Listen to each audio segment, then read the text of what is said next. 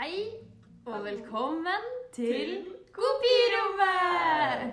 Long time no see der, altså. Ja, absolutt. Eh, vi er tilbake etter et halvt år. Eh, vi har vel kanskje litt forklaringsproblemer med hvorfor denne podkasten ikke har blitt spilt inn på et halvt år. Det er jo litt lang tid å bare plutselig forlate, ja. Ja. Um, og vi har egentlig ikke noe godt svar. Livet kom i veien, eller noe sånt. Ja. Eh, nei, det var Ting ble hektisk, og under Good Gullbaby så prøvde vi Eller vi hadde tenkt å spille inn, og så eh, glemte vi det litt, for å være ærlig. Og så plutselig skjedde korona, og så tenkte vi vi får til en sånn her over nett. Men helt ærlig, vi har funnet én app vi klarer å skjønne, og da tror jeg sånn Hvis vi skulle hatt lyd over eh, over internett fra hvert vårt eh, hjemmekontor, så hadde det vært litt vanskelig.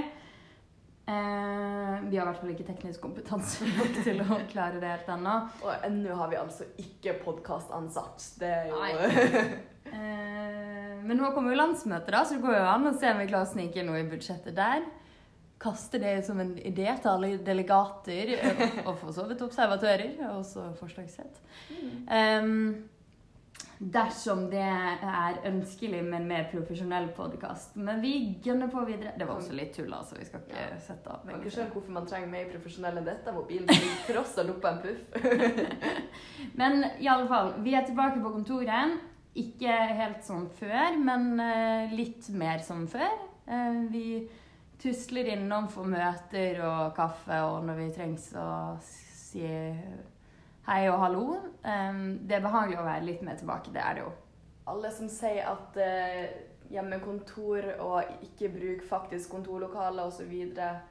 er nå en greie. Jeg er totalt uenig. Jeg har fått et hat mot alt som kan kalles digitale møter. Jeg er lei. Ja, digitale møter syns jeg også teiler på. Men samtidig så er det sånn, det er noe med behagelig med å være eh, Eller det kommer jo an på hvor godt man klarer å komme inn i den rytmen. Men jeg syns det har liksom gått sånn tålelig bra. Jeg syns det er veldig deilig å kunne ta liksom sånn Ja, spise lunsj hjemme og eh, Ja, det er litt lettere Livet er litt mindre stress, da. Det er det jo kanskje. De hektiske periodene er fortsatt hektisk, men da sitter du fortsatt hjemme og jobber, da. Um, men eh, ja, så har jeg savnet eh, kontoret og bare det å kunne møtes. Um, Jeg føler smalltalk som konsept har dødd med i den digitale verden. ja, virkelig. Eh, digitale møter med nye mennesker er også veldig vanskelig når du aldri har snakket med dem før, så prøver du å ha sånn klein smalltalk over nettet. Nei, det er ikke gøy. Men, eh, men alt i alt så har det gått bra. Eh, nå er vi jo tilbake stort sett. Um, prøver å ha litt sentralstyremøter og lignende eh, fysisk på kontoret, med god avstand, det skal sies. Men Og med møtesnacks servert i porsjoner. ja, så vi tar alle forholdsregler. Masse antibac stående. Faktisk overalt på kontoret. Jeg tror kanskje ikke det er den eneste plass på kontoret ikke står noe annet tilbake. Nei, det er faktisk sant. Um, men vi kan jo, for de som uh, ikke har hørt på podkasten før, så kan vi jo fortelle litt om hvem vi er, og hva podkasten er. Marina, har du lyst til å starte? Uh, Ja, Uh, jeg heter jo Rabrott Marina. Um, så er jeg da nestleder i Press, som betyr at jeg jobber fulltid med dette, så det er jo gøy. Og denne podkasten har vi rett og slett bare for å ha en litt ny arena å nå ut til medlemmer og snakke med dere og fortelle litt om hva som skjer på kontoret, så man kan få mer innsyn i det. Eh, og i tillegg så er det sånn at vi hører mye på podkast, og vi syns det å høre på podkast er gøy. Eh, så da tenker vi at kanskje kan noen synes dette er gøy. Ja, eh, og det heter jo egentlig Kopirommet. Vi sitter ikke på kopirommet nå, det har vi gjort med de andre innspillingene, men det er rett og slett fordi vi eh, med avstand og sånn Kopirommet vårt er ikke så stort at det gjør noe. Eh, så vi sitter på møterommet i dag, det skal sies. Um, ja, jeg heter Lea, jeg er også nestleder. Som meg og Marina vil egentlig bare ha en plattform der vi kan sitte og jazze og snakke litt. Vi er veldig glad i å snakke mye.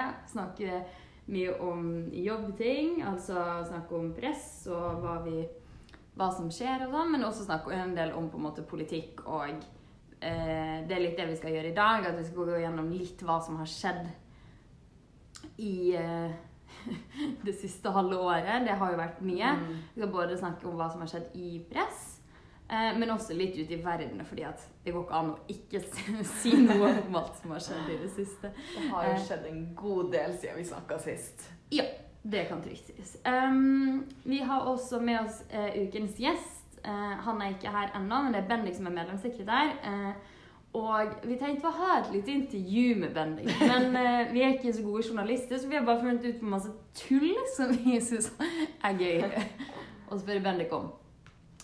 Så ja, dere får møte han eh, litt etterpå. Eh, vi skal snakke litt om Moria, også fordi at vi er nødt til å snakke litt om Moria, Mm. det som har skjedd. Jeg kommer til å gå litt gjennom eh, regjeringens forslag, eh, hva som er ståa i politiske spekteret. Snakke litt om stemmerett for 16-åringer. Eh, Mye som skjer på det. ja. Eh, allerede i kveld, dette er da fredag vi spiller inn, allerede i kveld klokken seks så er Mina som er leder eh, på Dagsnytt 18 i debatt mot eh, Unge Høyre om dette her. Så det blir veldig spennende. Eh, vi kommer tilbake til det. Um, etter det så har vi en fast spalte som heter Klagemekanismen. Eh, der vi egentlig bare vil klage litt på forskjellige ting. Eh, og så kommer vi til å gå litt gjennom hva som skjer videre. Jeg må innrømme, jeg hadde begynt å lage Post-It-lapper. Nå er jeg ikke helt sikker på hva jeg skal klage på, så dette blir spennende. Ja, men det kommer alltid når du begynner å klage. Mhm. Men vi kan gå, eh, starte litt med hva som har skjedd siden sist. Eh, I store linjer, kan vi vel først si. Eh, eh, altså internt i press eh, så har vi jo Ja, det første som skjedde dette halvåret, var jo gullbarbeid. Det føles så lenge ut når jeg skal snakke om det nå, hva som skjedde Ja. under gullbarbeid. Eh, men det var jo kjempekjekk kampanje å ha. Eh, vi fikk masse oppmerksomhet, masse kule lokallagsaktiviteter. Endte opp på VGTV med utdelingen. Eh, ja, og har jobbet en del Vi var jo også på Vixen. Mhm. Influencer Award. Vi er blitt så famous nå. Ja. Mina var på Dags 18 da òg, så det Ja. Så det var en eh, veldig hektisk, men utrolig kjekk periode. Ja. Altså, Gullbarbie er sånn Både når jeg var aktiv i lokallag og nå Altså, det er bare sånn Det er så mye som skjer, så mye man kan gjøre. Og så sånn spesielt når man sitter her på kontoret, så er det så gøy å se på aktivitetene som eh, medlemmene våre eh, har, og hvor mange kule ideer som eh, kommer opp. Eh, blant annet så var det jo det var et lokallag, Volda Press, som hadde liksom etterlignet gamle reklamer og sånn også for å vise hvor eh, seksualisert eller eh, teit du Ja.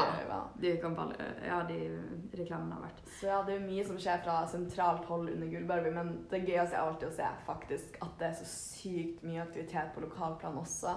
Mm.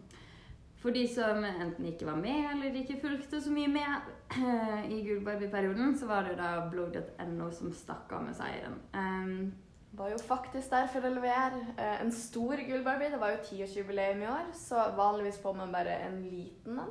Eh, men i år går vi rett og slett den gamle, for vi har da lakka en ny en til kontoret, så de fikk den som var litt falleferdig og sånt. så veldig lyst hadde de vel kanskje ikke på den, men de kom nå til slutt og henta den. Ja, det var faktisk litt imponerende. Så ja.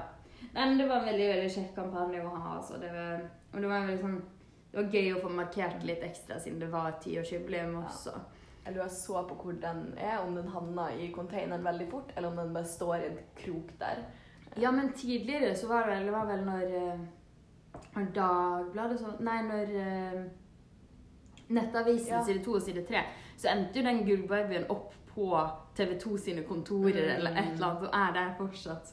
Husker ikke, det var noen som fortalte oss dette. Eh, jeg føler Fredrik kanskje Nei, jeg husker faktisk ikke. Jeg husker bare at det er en eller annen som sa det for at denne personen faktisk var enig, liksom. Ja. Eh, Så det De som jobber der, har jo alltid noen som er egentlig enig med det, og de har jo ingenting med forskjellige avdelinger å gjøre. Så Mm. de som jobber hos Egmont, f.eks. i bokgreier, de har jo ingenting med blogg.no å gjøre, liksom. Ja. ja, til informasjon så er det Egmont som Ja. eier blogg.no. Ja, men eh, i hvert fall en utrolig kjekk kampanje. Eh, gøy med tiårsjubileum. Eh, ja, det var spennende. Det som skjedde etter det, var jo plutselig korona som utsatte diverse ting. Og det var en stressende Altså sånn, det gikk fra to uh, En dag før man stengte ned Norge omtrent, så hadde vi skulle ha landsstyremøte den helgen. Vi skulle ha masse forskjellig, og så plutselig måtte vi utsette Jeg det, alt. jeg husker det landsstyremøtet der vi snakka om at jo, jo, men uansett hva som skjer, så får vi uansett hadde det denne helga iallfall. Ja. Eh, og så bare 12. mars så stengte jo alt ned. Og til og med dagen den samme uka liksom, så var jo Det magiske klasserommet-lanseringa. Mm. Og der var det også flydd inn folk. Det var nesten 100 folk på den lanseringa. Liksom. Og Ja. eneste som var stemt ut, var liksom sånn Ja, hvis du er i risikogruppa, vurderer å ikke møte opp, liksom. ja. Og det var jo det man forholdt seg til da. Det var jo ingenting som tyda på at det skulle bli så stengt ned så fort. Nei, og det var jo liksom plutselig så bare skjønte vi vi kan ikke ha det møtet, og så var det jo OK, hva gjør man med lokallagsaktiviteter, hva gjør man med alt mulig annet? Så da var det jo bare eh, sette seg ned og sette i gang med arbeid, liksom. Og bare Nå må vi finne på noe. Men altså sånn under omstendighetene så har man jo klart seg bra, selv om det er veldig trist at f.eks. man ikke fikk hatt fysisk både landsstyremøte, men ikke minst landsmøte. Mm. Eh, nå er jo også sommerleir avlyst. Eh, Ekstra kjipt, det. ja, vet du hva, det er så trist. Det første sommerleiren jeg ikke er på på seks år, tror jeg. Gud, Ja. sjukt. Det er den, eh, ja, er min favorittuke hele året, så den, den svir litt, den gjør det. Men eh, uansett. Under omstendighetene så føler jeg at både, altså hele organisasjonen har, Mm. har klart seg greit. Man har hatt digitale møter, man har hatt eh, webinarer. Det blir sendt ut et ressurshefte også med aktiviteter man kan ha. Um, med litt sånn ja, informasjon om hva som skjer nå. Uh, og da har man klart å omstille seg, og man har jo sett at um, selv om man ikke har kunnet hatt disse fysiske tingene, så har det vært masse aktiviteter, men også deltakelse og engasjement på ting som vi har arrangert som webinarer om politiske temaer osv. Ja. Um, Lokallagene har jo faktisk vært ekstremt flinke å omstille seg til det. For at Ja. man er jo vant med å bare ha et fysisk møte f.eks. etter skoletid, for alle går på samme skole osv. Og, så og så bare Plutselig må man begynne å legge opp til å skal ha det samme digitalt, og det blir jo ikke helt det samme. Nei. Eh, For man får ikke møtes, man får ikke hatt møtemat. Det er vanskelig å skulle lokke nye folk til møtene man ikke kan lokke med pizza, f.eks. Ja, absolutt. Så det er jo vanskelig sånn sett. Ja, og så er det jo bare altså sånn Det er kjipt å ikke møtes, men sånn på det positive så har det vært veldig sånn Vi vi skal jo ikke lyge. Det har vært eh, tungt å sitte på kontoret, eller ikke på kontoret, da, men å Mm. være en del av kontoret og sitte på hvert sitt hjemmekontor. Så sånn, det tærer litt på engasjement og motivasjon også i perioder når du sitter der dag inn og dag ut og ikke får sett hverandre. Kjenner Det har vært noen ordentlige low i løpet av denne perioden. Det, det har vært på nippet til mail til orgen. Ja, og da, men ikke sant, og da er det på en måte sånn Og det er sikkert det de aller fleste har følt på i organisasjonen, at sånn det- er skikkelig tungt å holde oppe motivasjonen, men det som i hvert fall hold, har holdt meg gående, har vært liksom den når man får eh, meldinger fra lokallag som er sånn Kan vi gjøre dette?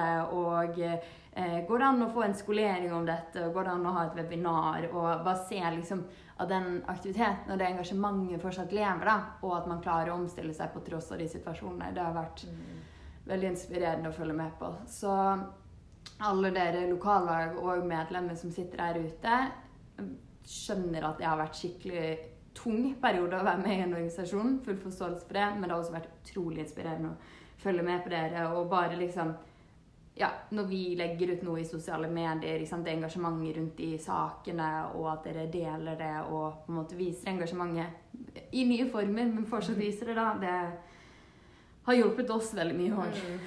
Virkelig. Men i alle fall, eh, og det bringer oss egentlig litt videre på det neste. Vi har jo eh, lansert en ny kampanje som heter 'Jeg tar det personlig', og det handler jo Eller Om- jeg tar det personlig. 'Jeg tek det Og det personlig'. er ikke så god på nynorsk. Nei. Eh, Bare et forsøk, iallfall.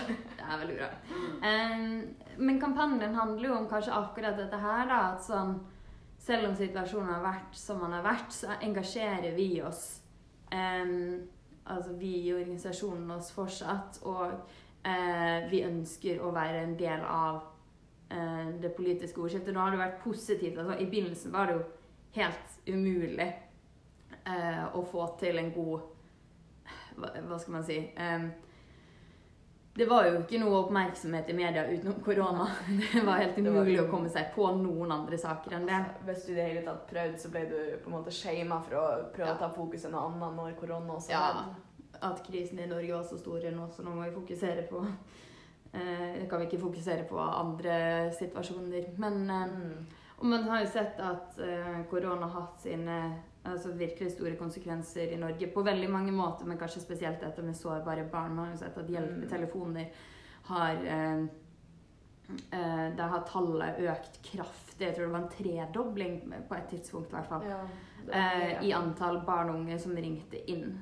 Eh, og det er jo en situasjon som oppleves som helt umulig å håndtere. Altså hvordan håndterer man det, da? Um, nå har man jo fått en del andre løsninger. Man har fått uh, chatter, blant Mm. som kan senke terskelen. Uh, som har vært et viktig initiativ fra regjeringens side. Uh, men man ser fortsatt også det blir interessant i hermetegn å se hvilke konsekvenser dette har fått. da. Uh, når på en måte situasjonen har roet seg, man kan drive med innhenting av informasjon, så tror jeg man kommer til å se at dette har hatt mye større konsekvenser for barn og unge enn det man til nå har klart å fokusere på. da.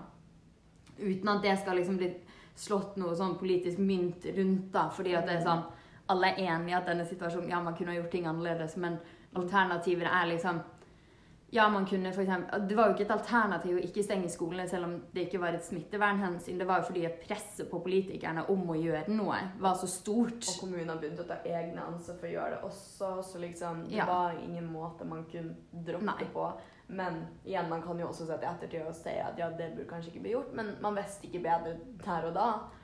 Og, ja, og avgjørelse måtte bli tatt. Mm. Det har jo også altså myndighetene, altså regjeringen og andre liksom, helsetopper, da, vært helt tydelige på at sånn eh, Man må ta avgjørelser man ikke vet helt konsekvensene av, da.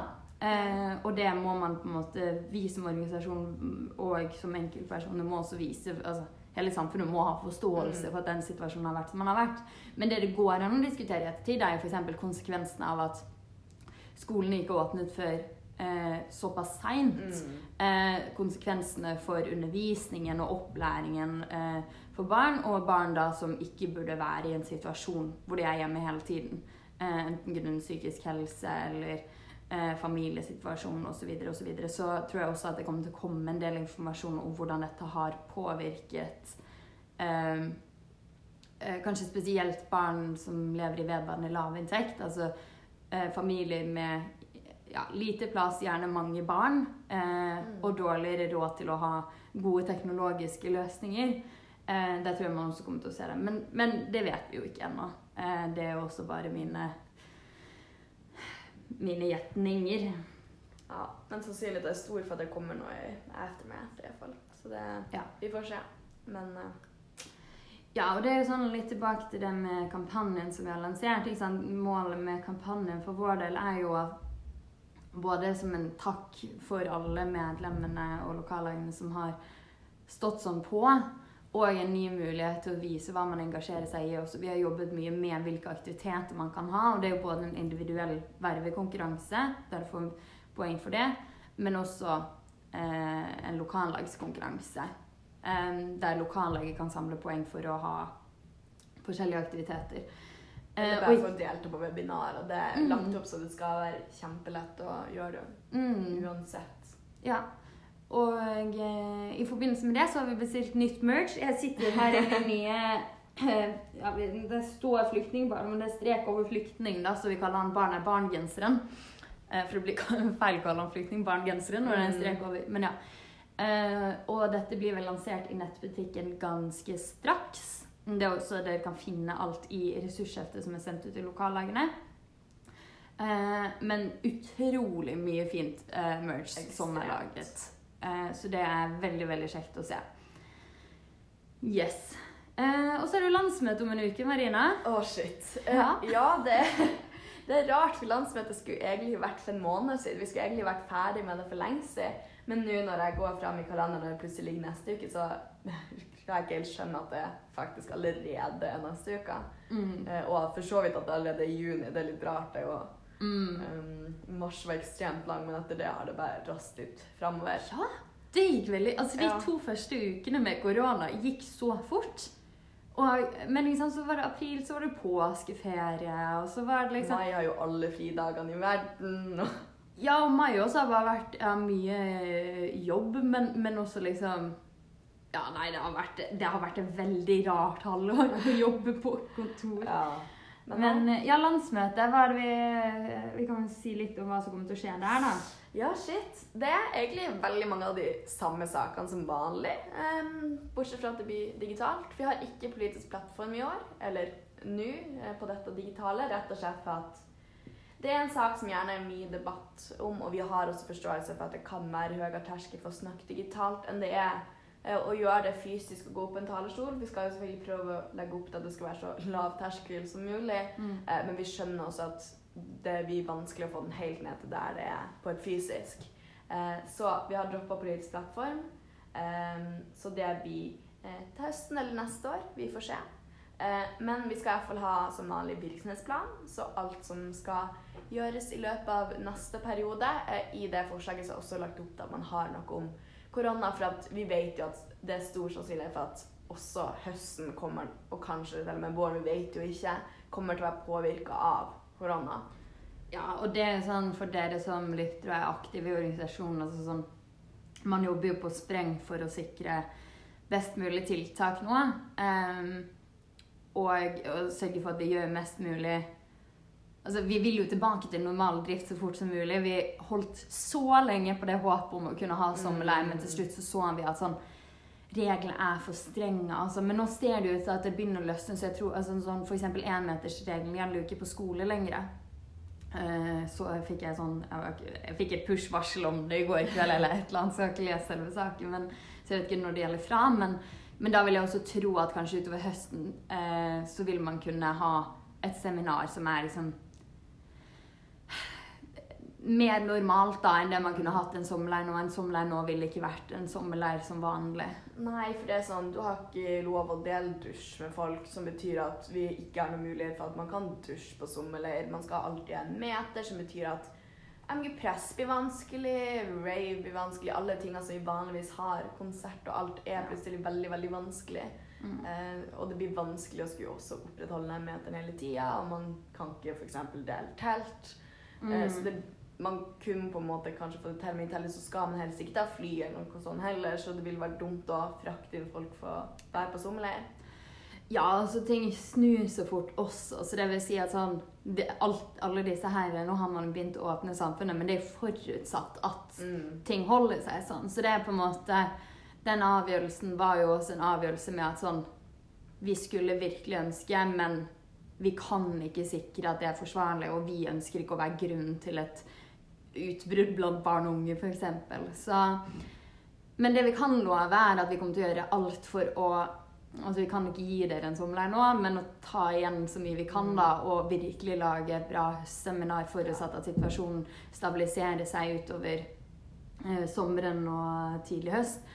Eh, og, og det ser jo ikke ut at denne situasjonen kommer til å vare eh, med disse tiltakene frem til neste år, så da kan vi jo også gønne på å lage verdens beste sommerleir neste år. Ja. Og høstseminar står i forslag til virksomhetsplan, så der vi går inn for det, altså. Ja. Eh, Vi håper virkelig på at det kan skje. Men i tillegg så skal vi på landsmøtet behandle også strategi. Eh, altså plan for press for de neste fem årene.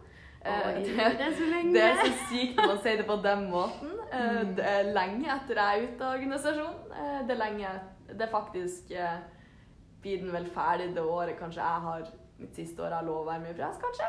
Ja, da er jeg for gammel. Ja. eh, Jeg har ikke lov til å være med om fem år. Det er veldig rart å skulle behandle sånne ting nå. Ja, ja, fem år er lenge. Så det blir spennende, og det er virkelig verdt å Ja, og det, det som er kjekt med en strategi, er at det, det forslaget som foreligger, er jo veldig sånn Det skal si noe om retningen. Det er jo ikke en virksomhetsplan Mm. som sier spesifikke tall, eller liksom Ja, men det, men det er liksom hvordan ønsker vi som sitter på dette landsmøtet, eller dere spesielt, da, for vi som tillitsvalgte har ikke mulighet til å stemme. Ja. Eh, For det er medlemmenes møte. ikke sant? Landsmøtet er medlemmenes påvirkning på organisasjonen. Eh, først og fremst, og ikke tillitsvalgte. Men liksom, hvordan skal vi som organisasjon prege organisasjonen de neste fem årene? Altså det, det er ganske stort, men det er også både veldig viktig, men også ganske kult eh, å kunne påvirke på den måten og liksom sette ut en retning, da.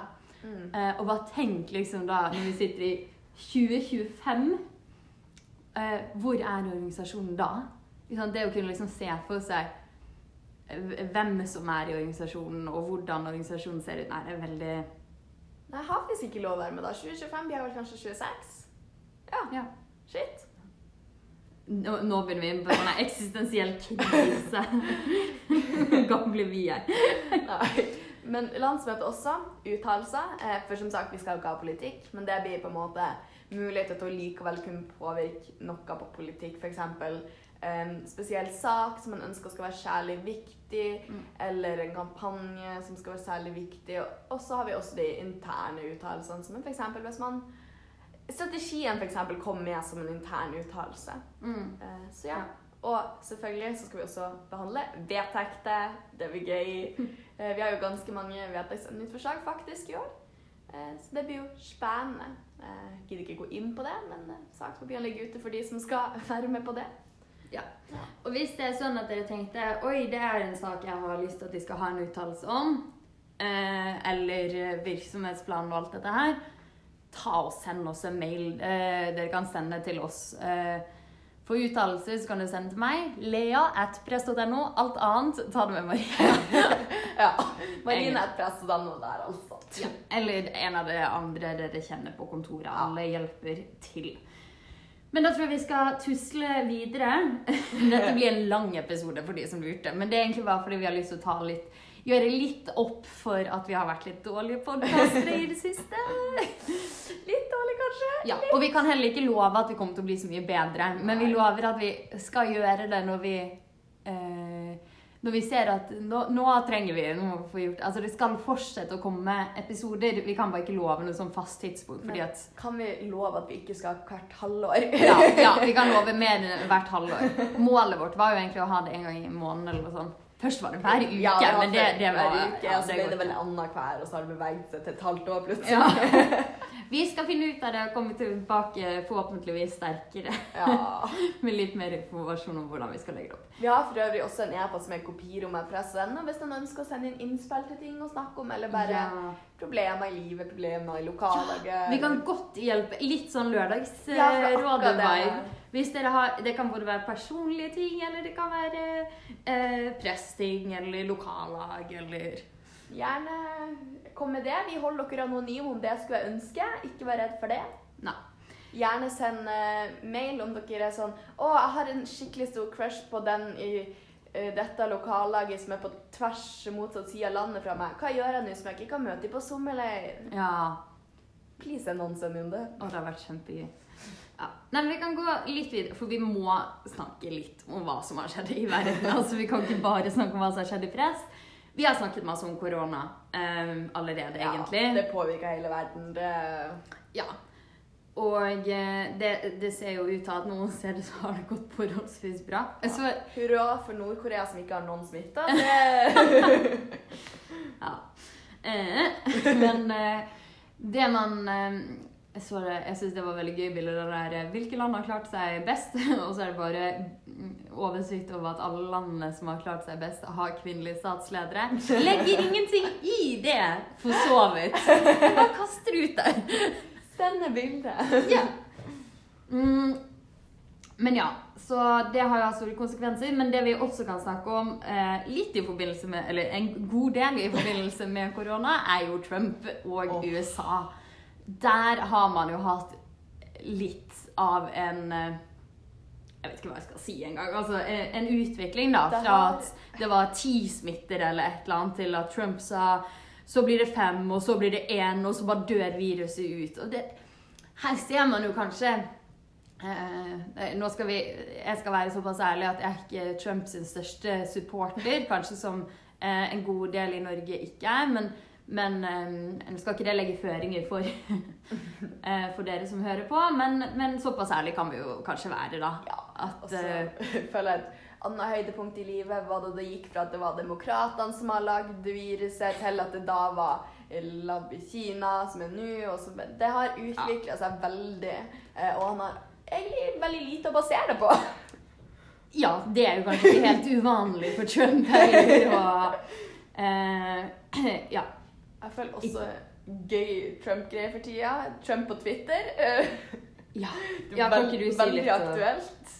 Um, ja, nei, Twitter og andre sosiale medier har jo blitt veldig um, anklaga for å godta at det spres fake news på plattformene deres, og bare godta det uten at det kommer noen konsekvenser for det. Eh, Så som reaksjon på dette har Twitter nå begynt å da merke tweets som enten sprer skadelig innhold eller sprer da fake news. Mm. Eh, og så har det seg sånn at de da for noen dager siden, kanskje i går til og med, merka to av Trumps tweets. Eh, og Trump gikk ut med først at han skulle banne ban Twitter, eh, kanskje sosiale medier generelt, eh, og så gikk videre til at han nå har kommet med Jeg har ikke faktisk, jeg fikk bare push-varsel om det, jeg har ikke hatt tid til å faktisk lese det, men at han nå har kommet med en presidenterklæring om det. Mm. Eh, og litt etter det push-varselet kom det et push-varsel om at Twitter hadde merka en av tweetsa hans denne gangen som å promotere violence. Eh, Ja, altså. Fordi at ja, han har drevet og snakka om eh, det med hva han het. Eh, han, Ja. eh, ja. ja. Det er jo mm. Ja, nei, dere vet.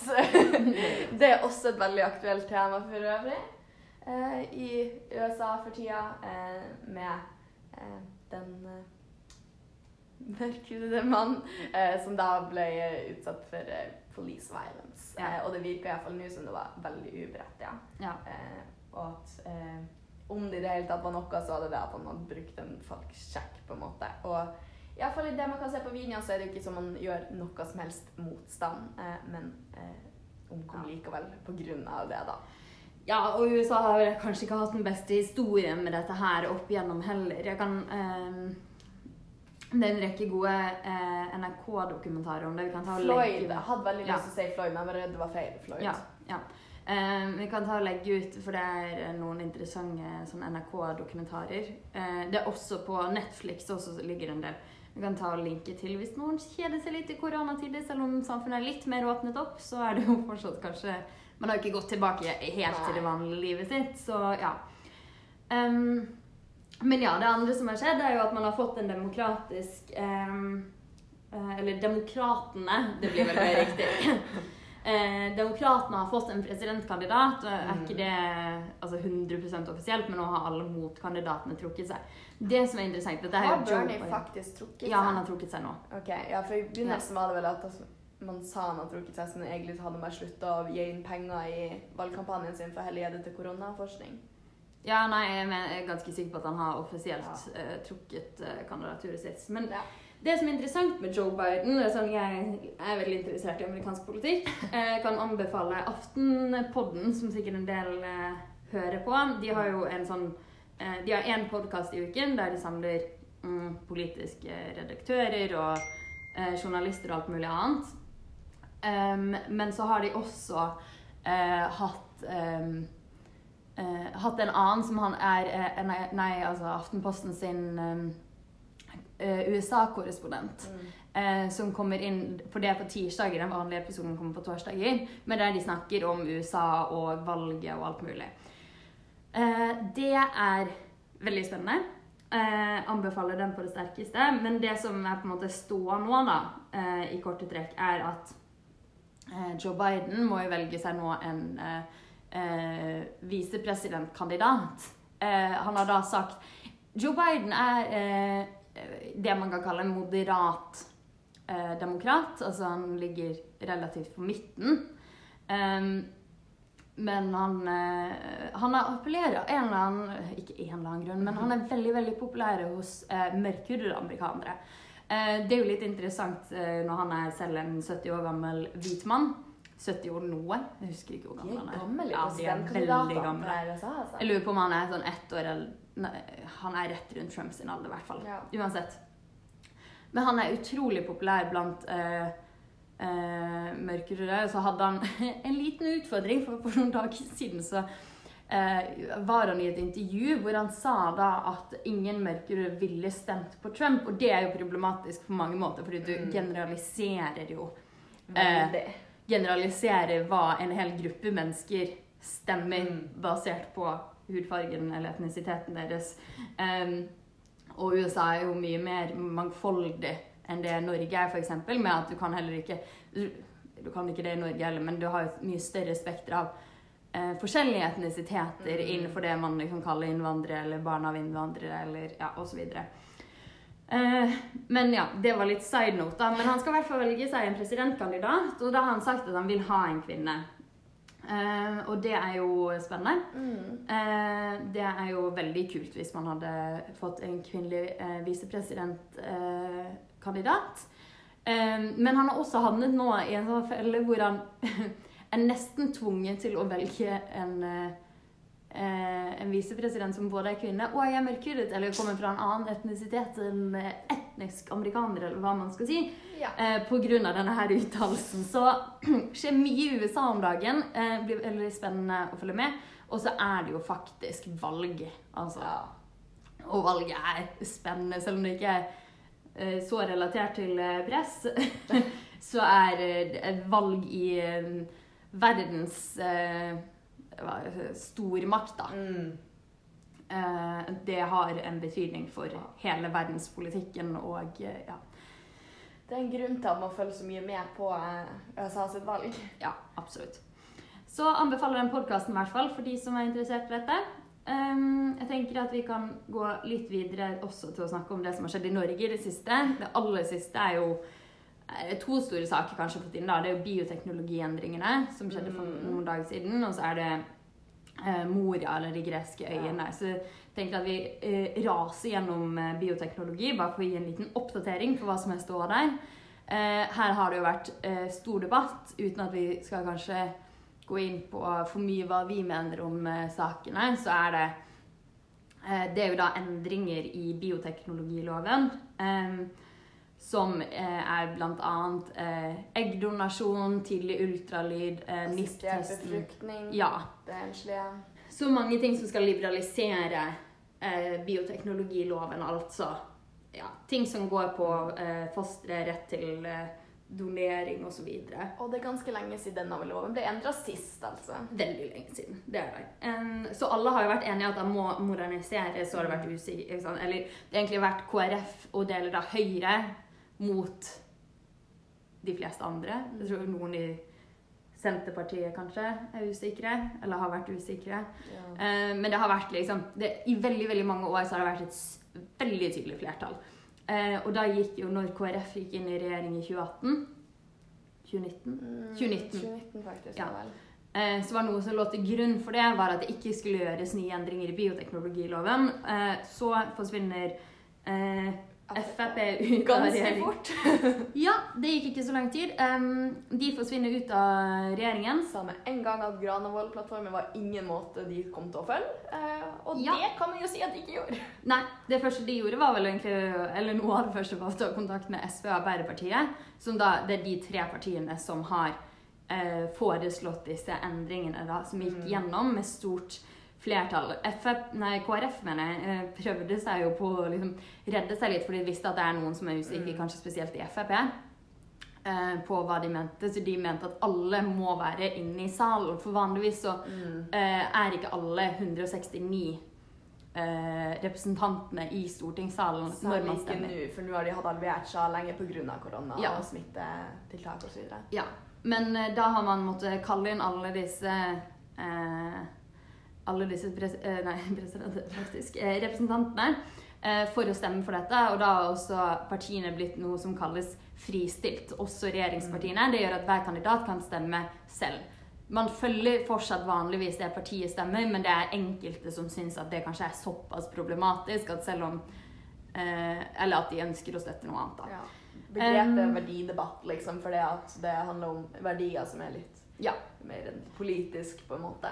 Ja. Det handler rett og slett om etiske problemstillinger osv. Ja, og gjerne at det ikke koster penger, f.eks. Altså sånn, i, I det store og det hele så handler ikke dette om budsjettet til Stortinget eller til Norge, da. Eh, men det handler om Mm. hvilken retning samfunnet vårt skal ta, eller liksom hva eh, det- Og det er jo kanskje sånn et annet eksempel på det er jo eh, Moria-saken, eller ja, henting av barn Mm. fra Moria, eller det som var tidligere eksempel, eh, barn av eh, IS-kvinner. er også typisk sånn, ja da det kan ligge eh, økonomiske hensyn også i det, men i det store og det hele så handler det om typisk liksom, menneskesyn eller ideologi eller ja. Ja, så de ble fristilt. KrF satsa ganske hardt på at mange skulle være på deres side pga. det. Eh, fordi at eh, som det forelå med partiene, så var det i utgangspunktet ikke på deres side. Det kom til å være flertall for at de lovene kom til å gå gjennom. eller ja, og vi har jo mindretallsregjering også, Mm. som gjør at når Frp ikke var bundet av regjeringsplattformen lenger, så er det heller ikke flertall for det.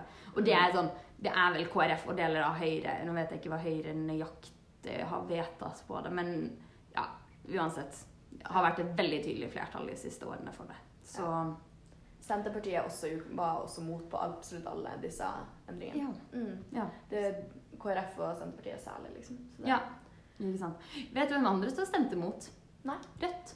Ja, men, altså, men det var På bare eggdonasjon. Ja, Mm. men det var på grunn av at uh, Kommersialisering av uh, kvinnekroppen.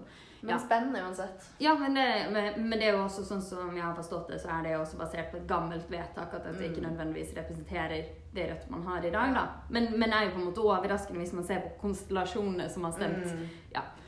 Eh, også spennende at Frp, SV og Arbeiderpartiet er de som fremmer forslagene. Men det er jo en annen sak. Men ja, nei, de kom iallfall gjennom. Det var ganske mange også fra KrF sine lagspillere eh, i dette som også da stemte mot det man skulle på en måte tro med tanke på hva man allerede var enige om. Ja. Eh, så da gikk alle disse lovendringene faktisk gjennom. Så det er jo ganske Med godt flertall også. Mm. Så det er interessant å følge med og eh, ja, anbefale folk å lese seg opp på saken og betydningen av disse.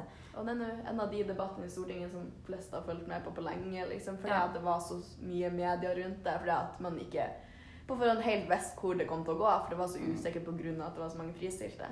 Ja, ikke sant.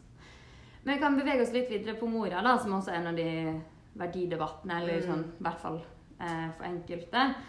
Det som er situasjonen, er jo at eh, situasjonen på de greske øyene har vært veldig kritisk etter at Tyrkia og EU har en avtale eh, som gjør at eh, Tyrkia tar imot eh, og behandler asylsøknaden mot at Europa tar en kvote flyktninger. Som er en veldig dårlig avtale. Utrolig dårlig avtale. Noen også ønsker å sier ikke hva jeg mener, men noen vil også hevde at det kan stride en del mot um, asylretten, også fordi det blir sånn masseutsendelser fra Europa. Um, men dette har i hvert fall ført at mange kommer direkte til Hellas. Mm, og spesielt de greske øyene. Og der har man sett, man har mange eksempler. Både Moria, som er den mest kjente, der det bor 20 000 beregnet, der det egentlig ikke skulle vært mer enn 3000 i den flyktningleiren. Man sier jo gjerne at barna er fra Moria, men egentlig Ja. så er det jo snakk om mange leirer på de greske øyene, for at det, alle er liksom overfylt. Det er vel også en annen, jeg husker ikke hva den heter, men der det er egentlig beregnet på 650, og så er det 8000 eller et eller annet. Ja, det er jo Um, helt syke tall. Ja, så Moria er på en måte, Når man snakker om Moria-saken, så snakker man om de greske øyene, uh, men bruker gjerne den største flyktningleiren Mm. som et eksempel. da. Men det som i hvert fall har skjedd, da, jeg tror de fleste her som hører på, er litt oppdatert på hva som har skjedd. Eh, eller på ståa. Eh, men det som har skjedd nå, er at SV kom med et forslag som ble nedstemt eh, i går, faktisk. Ja. Hvis jeg ikke tar vel. Ja, i går. Det var vel 1500 som var deres forslag. Var ikke det? Jo. I en sånn her relokaliseringsmekanisme. Um, ja. Og det, det, forslaget var jo det vi på en måte også ønsket. Mm, At man relokaliserer eh, disse barna. At det ikke gås, eh, tas ut ifra kvoteflyktninger. Eh, for det er en debatt mellom Mm. relokalisering og kvoteflyktninger. Der f.eks. Arbeiderpartiet har vært for at man skal ta det som kvoteflyktninger. Mens andre mener at dette skal kun relokaliseres innad i Europa. Blant annet oss.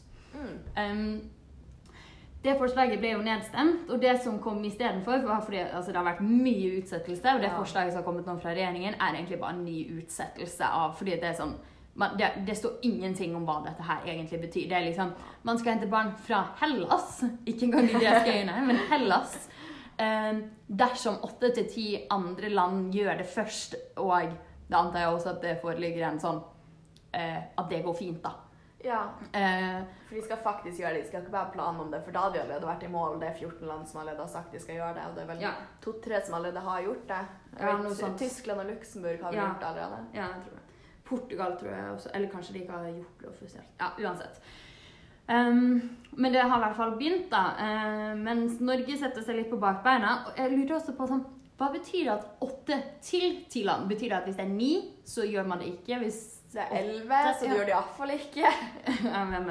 Eh, Men nei, det er også litt rart, for det, er sånn, det virker som å ja, men hvis åtte skjer fort, så venter vi til det blir ti, liksom, så de har mulighet til å utsette enda mer. Ja. Og så har de jo heller ikke bestemt noe antall. Det er jo det av at man skal vente åtte til ti land har gjort det, er det heller ikke bestemt noe tidspunkt. Så egentlig har de ikke bestemt noe som helst. Nei, og det er bare sånn, også den praktiske gjennomføringen av det er ikke sagt noe om. Eh, det er liksom eksempel Man vil jo anta at kanskje en del av de andre landene vil gjøre det på forskjellige måter. Det vet man jo ikke helt ennå, siden det fortsatt ikke Jeg i hvert fall ikke lest hvert land sitt forslag. Nei.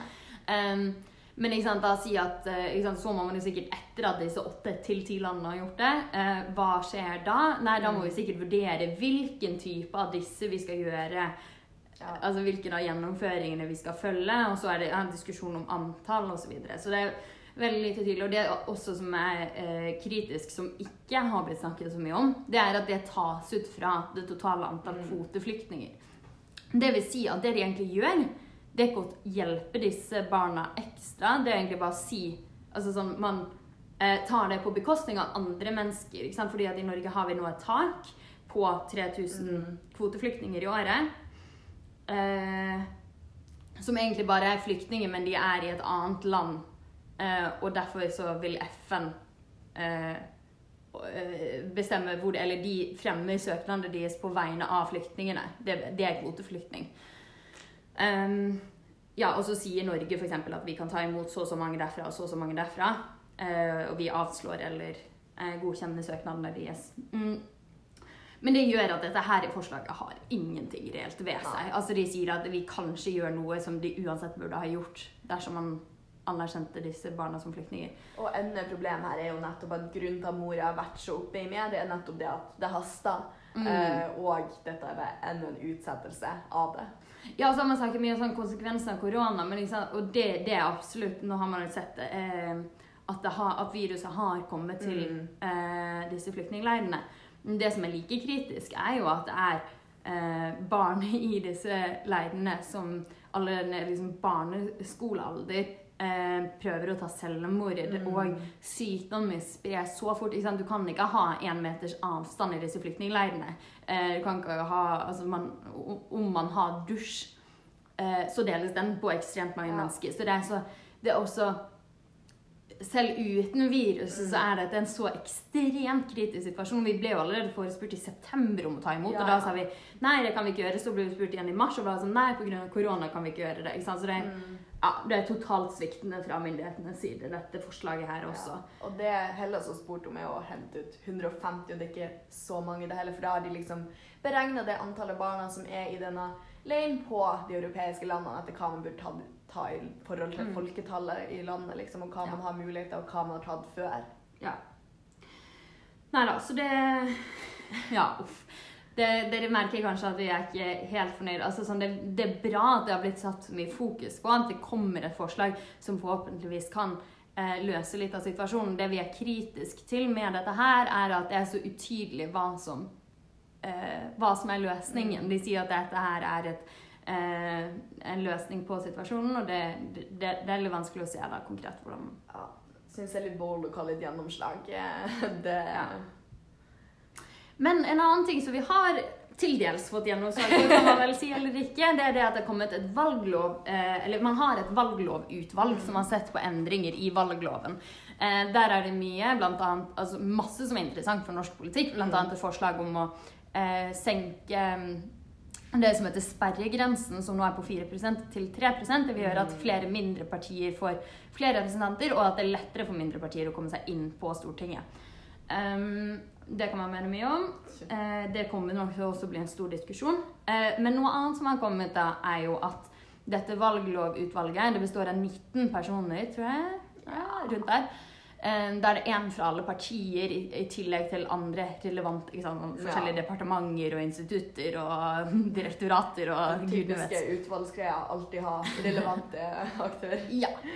Masse, masse mennesker. Men de har gått inn for, uh, fler, altså, de har gått inn for stemmerett for 16-åringer. Mm. Og det er ikke sånn som Det er en kjempestort Nå skal det også nevnes at dette her er for lokalvalg, da. Uh, det, men det er veldig stort. Mm. Vi har jobbet med dette lenge. Ja. Og det har jo vært nå to prøveprosjekt tidligere, altså ved lokal- og fylkestingsvalg. Uh, det var en i 2012 Nei, hva blir det? 11, mener jeg. Elleve blir det. 11 og i 2015. Mm. Eh, Så hadde man det ikke i 2019, men nå går det inn for det eh, da. Det som er problemet her, er jo at det ikke er flertall for det på Stortinget. Um, det er ikke nok partier som er for det, men det er jo forhåpentligvis noe man kan endre. Uansett så er det veldig stort at man fortsatt har hatt et eh, utvalg som går inn for det. Og det tror jeg også kommer til å løfte den debatten veldig. Og det er noe man kan bruke til å påvirke partiene til, og vi føler også at Mm. man har et utvalg som har jobba med å nettopp se på denne saken. Ja. Og derfor kommer nok dette her også til å prege en god del rundt eh, eh, altså det neste året da, før valget i 2021, Mm. uansett utfallet av dette. Nå er det ikke klart, i hvert fall ikke som jeg har funnet ut, når det skal tas opp i Stortinget. Men det er i hvert fall store saker som skjer, som blir Mm. veldig veldig interessant. Og så skal jo Mina som sagt på Dags 18 i dag. Så anbefaler alle å se den. Det er gøy med debatt mot et ungdomsparti, da. Det er gøy. Ehm, ja, men da foreslår jeg egentlig at vi kanskje går eh, videre til ukens gjest, som er Bendik. Ja, Så da gjør det. skal jeg dra ut og hente Bendik. Skal vi se. Ja, velkommen til deg, Bendik. Velkommen til kopirommet. Som ikke er på et kopi- kopirom? Nei, smittevernregler, vet du. Vi kan late som vi er på kopi. Ok, Um, Bendik, du er medlemssekretær. Vi har laget et intervju, men vi er ikke så gode journalister, så vi har bare laget masse tull. Så velkommen til oss. Ja, velkommen. Først, beskriv deg selv med tre ord. uh, um, Ja, uh, spenning. Ehm, ganske nerd-type. Ja, men det funker, Det er faktisk ja. Perfekt. Nydelig. Ok, Hva er det gøy som er medlemssekretær? Eh, å få ha masse kontakt med medlemmer. Få gjøre litt sånn ganske nerde ting som å sitte i medlemssystem, sende ut pakker fra bli bestilt i nettbutikk. Ja, mye ymse. føler du deg diskriminert siden du er fra Finnmark? Nei! Men sånn jevnt over i Norge, liksom. Ikke bare oss, men sånn i Norge. Føler at Um. finnmarkinger er diskriminert i samfunnet. Eh, Tja, jeg tror ikke det. Det er mange som har stereotypier, men det er jo mest bare folk fra nord generelt. Men Jeg tror det er verre mot Østfold, egentlig. Ja, kanskje. Men også bare Men alle bare klarer ikke å lage finnmarksdialekt når de skal lage finnmarksdialekt. Skjønner ikke hva du mener. De bare går liksom på Troms eller Nordland. Ja, Og så er det sånn Ja, mm, vi har veldig bred dialekt i Finnmark. ja, men ikke Nordland, faktisk. Det er alltid bare Troms. For når Ja. du prøver Nordland, så er det Troms, da. Ok, Nå har du 30 sekunder til å beskrive dine tanker om Nord-Norgesbanen. uh, ja. Har du mye, har du et brennende engasjement for Nord-Norgesbanen? Ja, veldig. Føler alle fra Nord-Norge har det, honestly. Ja, så hvis det er noen nordlendinger som har lyst til å diskutere Nord-Norgesbanen med Bendik, og for så vidt Marina, Mm. så, så er det uh, up for grabs. Vi kan lage en uh, plattform eller annet. Ja. Facebook-gruppe! Oh, Ok. det er fan.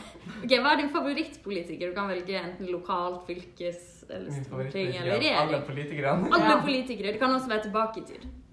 Uh, uh, det her var Det er mange flotte politikere, da. Det er litt vanskelig å velge bare én. Nei, det er ikke vanskelig. Jeg kan si min først, da. OK. Min er Bård Hoksrud.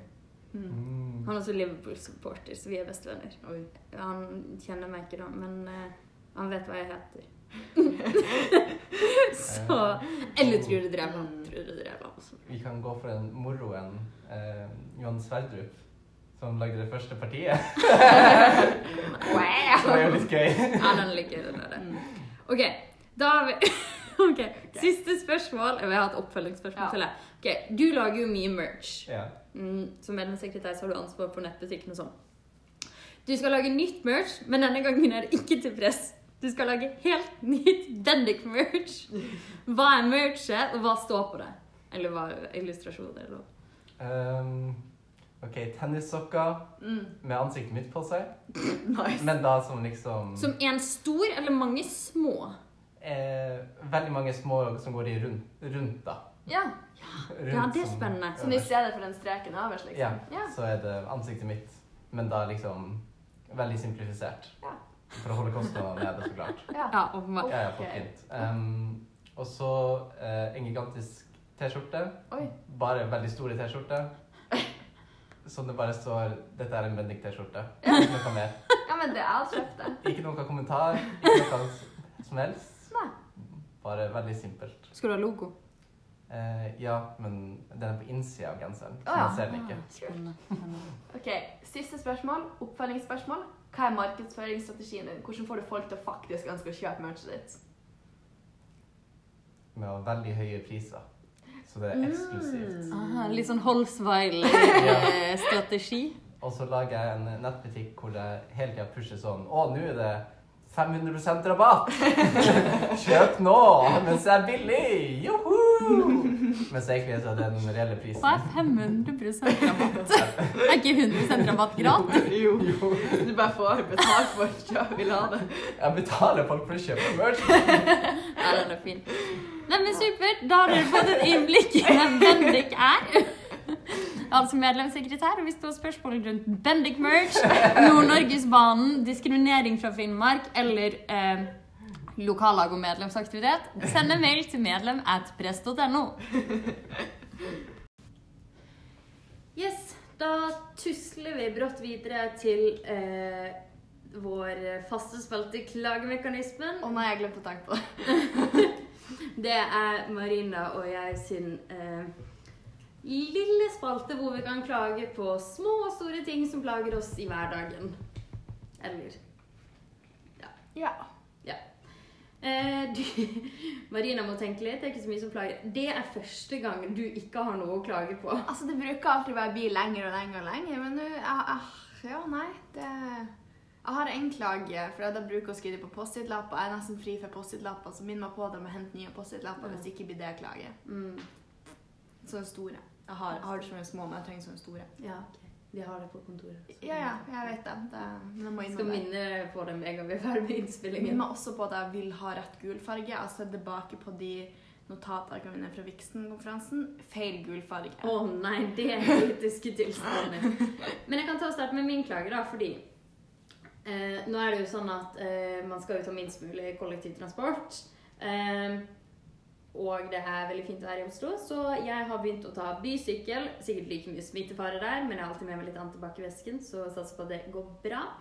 Um, I alle fall, så jeg har begynt å sykle. Jeg syns egentlig det er veldig skummelt å sykle i Oslo, fordi at det er så mye biler, og eh, jeg er veldig redd for å bli kjørt på, eller å bli klaget på av um, bilister som klager på syklister. Det, det er en vanlig Ja. greie. Det er veldig mange som kjører bil som hater folk som sykler.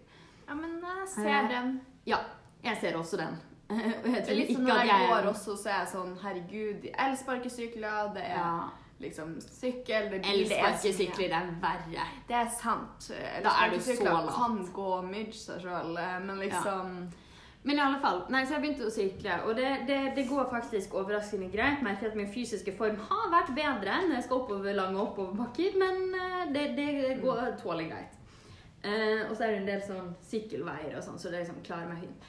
Det jeg skal klage på, er selve bysyklene, fordi Nå føler jeg vi er veldig sånn Oslo-koble her som klager på bysykler, men det, det gjelder vel Nei, det gjelder faktisk bare bysykler. Vi har det i Bergen også, da, så Um, Hei, shout-out til Oslo og Bergen her, altså.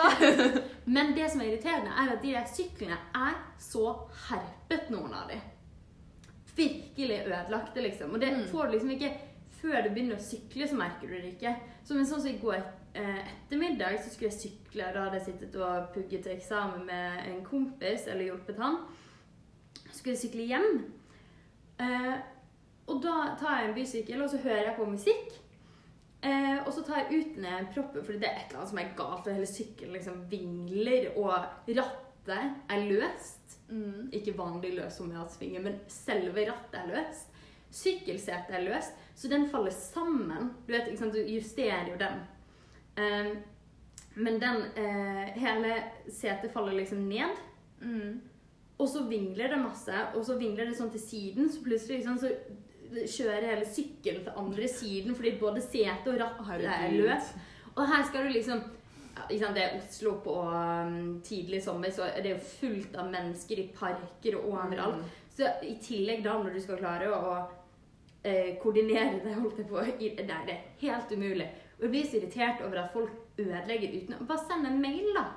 Og si at du har ødelagt sykkelen litt, eller et eller annet. Anonym, de må ha sånn anonym sånn varslingsside Ja. si, der du kan si 'denne sykkelen er ødelagt'. En eller annen form som man får vekk de syklene som faktisk ikke fungerer. De tar du inn hver kveld, så jeg skjønner ikke at de ikke bare sjekker det når du uansett hvis man har fått anonym chattetjeneste for andre ting, så kan man også få det for bysyklene. Tross alt en viktig sak. Ja, men faktisk. Det, men det er jo farlig. Hvis jeg hadde vært Nå syklet jeg liksom gjennom Grünerløkka, så det var liksom ikke det mest kritiske. Men altså, det var helt umulig. fordi den, når du tok og giret opp og ned, så var det akkurat som hele sykkelen begynte å knirke. For han klarte ikke å liksom justere seg. Så bare plutselig kom det sånn gung, Og så bare ble hele sykkelen Nei, det var helt kritisk. Og det har jeg opplevd. De fire sykkelturene så har jeg to dårlige sykler. Så det var det er min klage. Det er ta vare på bysyklene og si fra hvis dere ødelegger det. Det heter Oslo. Um, ja, nei, nå blir jo dette vel OK, jeg har sittet og tenkt. Um, min klage i dag eh, Jeg har ikke så mange klager, jeg er blitt et send-menneske. Um, men min klage er også veldig Oslo-basert. Uh, for at dette er første året jeg sånn veldig bor inne i Oslo-kjerna, liksom. Uh, frem til jul så bodde jeg i Gokk utenfor Ring 3. Eh, alle som er kjent med Oslo, vet at det faktisk er Gokk. Så nå bor jeg faktisk i sentrum. eh, går hjem, møter mennesker overalt. Eh, Oslo er fylt opp av mennesker. Det er sol, det er varmt, det er faktisk skikkelig sommer nå. Um, og så skulle jeg etter jobb i går bare gå og legge meg litt på Sankthanshaugen. For jeg var litt sånn OK, jeg skal bare ligge der og høre på podkast i stedet for bare å sitte inne. liksom, For å faktisk nyte sola. For jeg utvandrer jo til nord i seks uker, og da var det snøstorm, liksom. Så det er en liten, en god endring å komme til Oslo med sol og 20 grader og alt, liksom. Um, meldt sykt varmt til helga. Ja, 25 grader eller noe sånt. Um, men ja, så eh, da jeg skulle gå tilbake, liksom, da klokka var sånn ikke, åtte kanskje, eh, så skulle jeg bare gå tilbake gjennom Sankthanshaugen, og så kom jeg til eh, Igjen veldig Oslo-basert, men det er et sånt område med fontene inni den parken der, da. Og rundt den fontena, det var så fullstappa med mennesker. De satt oppriktig oppi hverandre, alle de i gruppen. Jeg var litt sånn Én? Hæ? To? Korona? Spørsmålstegn? Spørsmålstegn? Ja, ja, men det er skikkelig Mennesker i park er bare helt kritisk. For det er sånn, Vi også bor rett ved siden av en Mm. eh, park.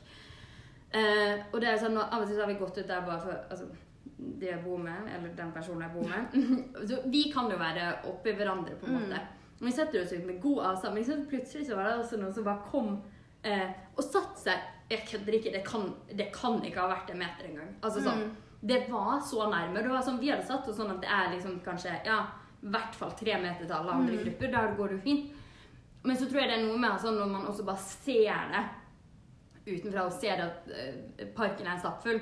Ok, det er veldig mange der som ikke overholder reglene, men allikevel så ser det verre ut enn det det er når du går gjennom, på en måte. Ja, men jeg gikk faktisk gjennom. Ja, ok. Eh, jeg gikk oppriktig på sida av den fontena, liksom på veien rett på sida, Ja. og de satt på begge sider av veien også, liksom, så det, det var oppriktig stappa med folk der. Ja. Eh, så det, det er min lille klage. Korona finnes fremdeles, selv om det er Mm. sol. Eh, og selv om det kan være lett og glemme, så finnes det fremdeles. Og jeg vil helst ikke at verden skal stenges ned igjen. Nei, please ikke. Kan alle bare ta sitt lille ansvar? Ja. Da hadde jeg blitt veldig, veldig glad. Akkurat den meteren syns jeg man kan følge, spesielt i parker og sånn. Ja. Altså, Jeg skjønner at det kan være kjipt å skulle overholde det og for venner hele tida, som man uansett møter hele tida, så videre. Eh, hvis man er sikker på at man ikke er så videre. Men altså, hvis det er random med folk i parker Ja, men også så er det bare sånn Kan dere ikke bare ta den meteren? Altså, det er liksom Det er ikke mer enn det. Det Mm. Med to meters avstand så skjønner jeg det var skikkelig dritt. Ja. Sånn du kunne møtes med, med to meters avstand. Det var skikkelig vanskelig. Men én meter, det er liksom bare det å ikke Altså, det er intimsonen til de Mm. fleste mennesker. Bare hold deg unna. Det eneste rare er hvis du står og, snakker med, står og snakker med noen, for da er det litt sånn Hei, hei, da står vi her. Men sett dere, så slipper dere.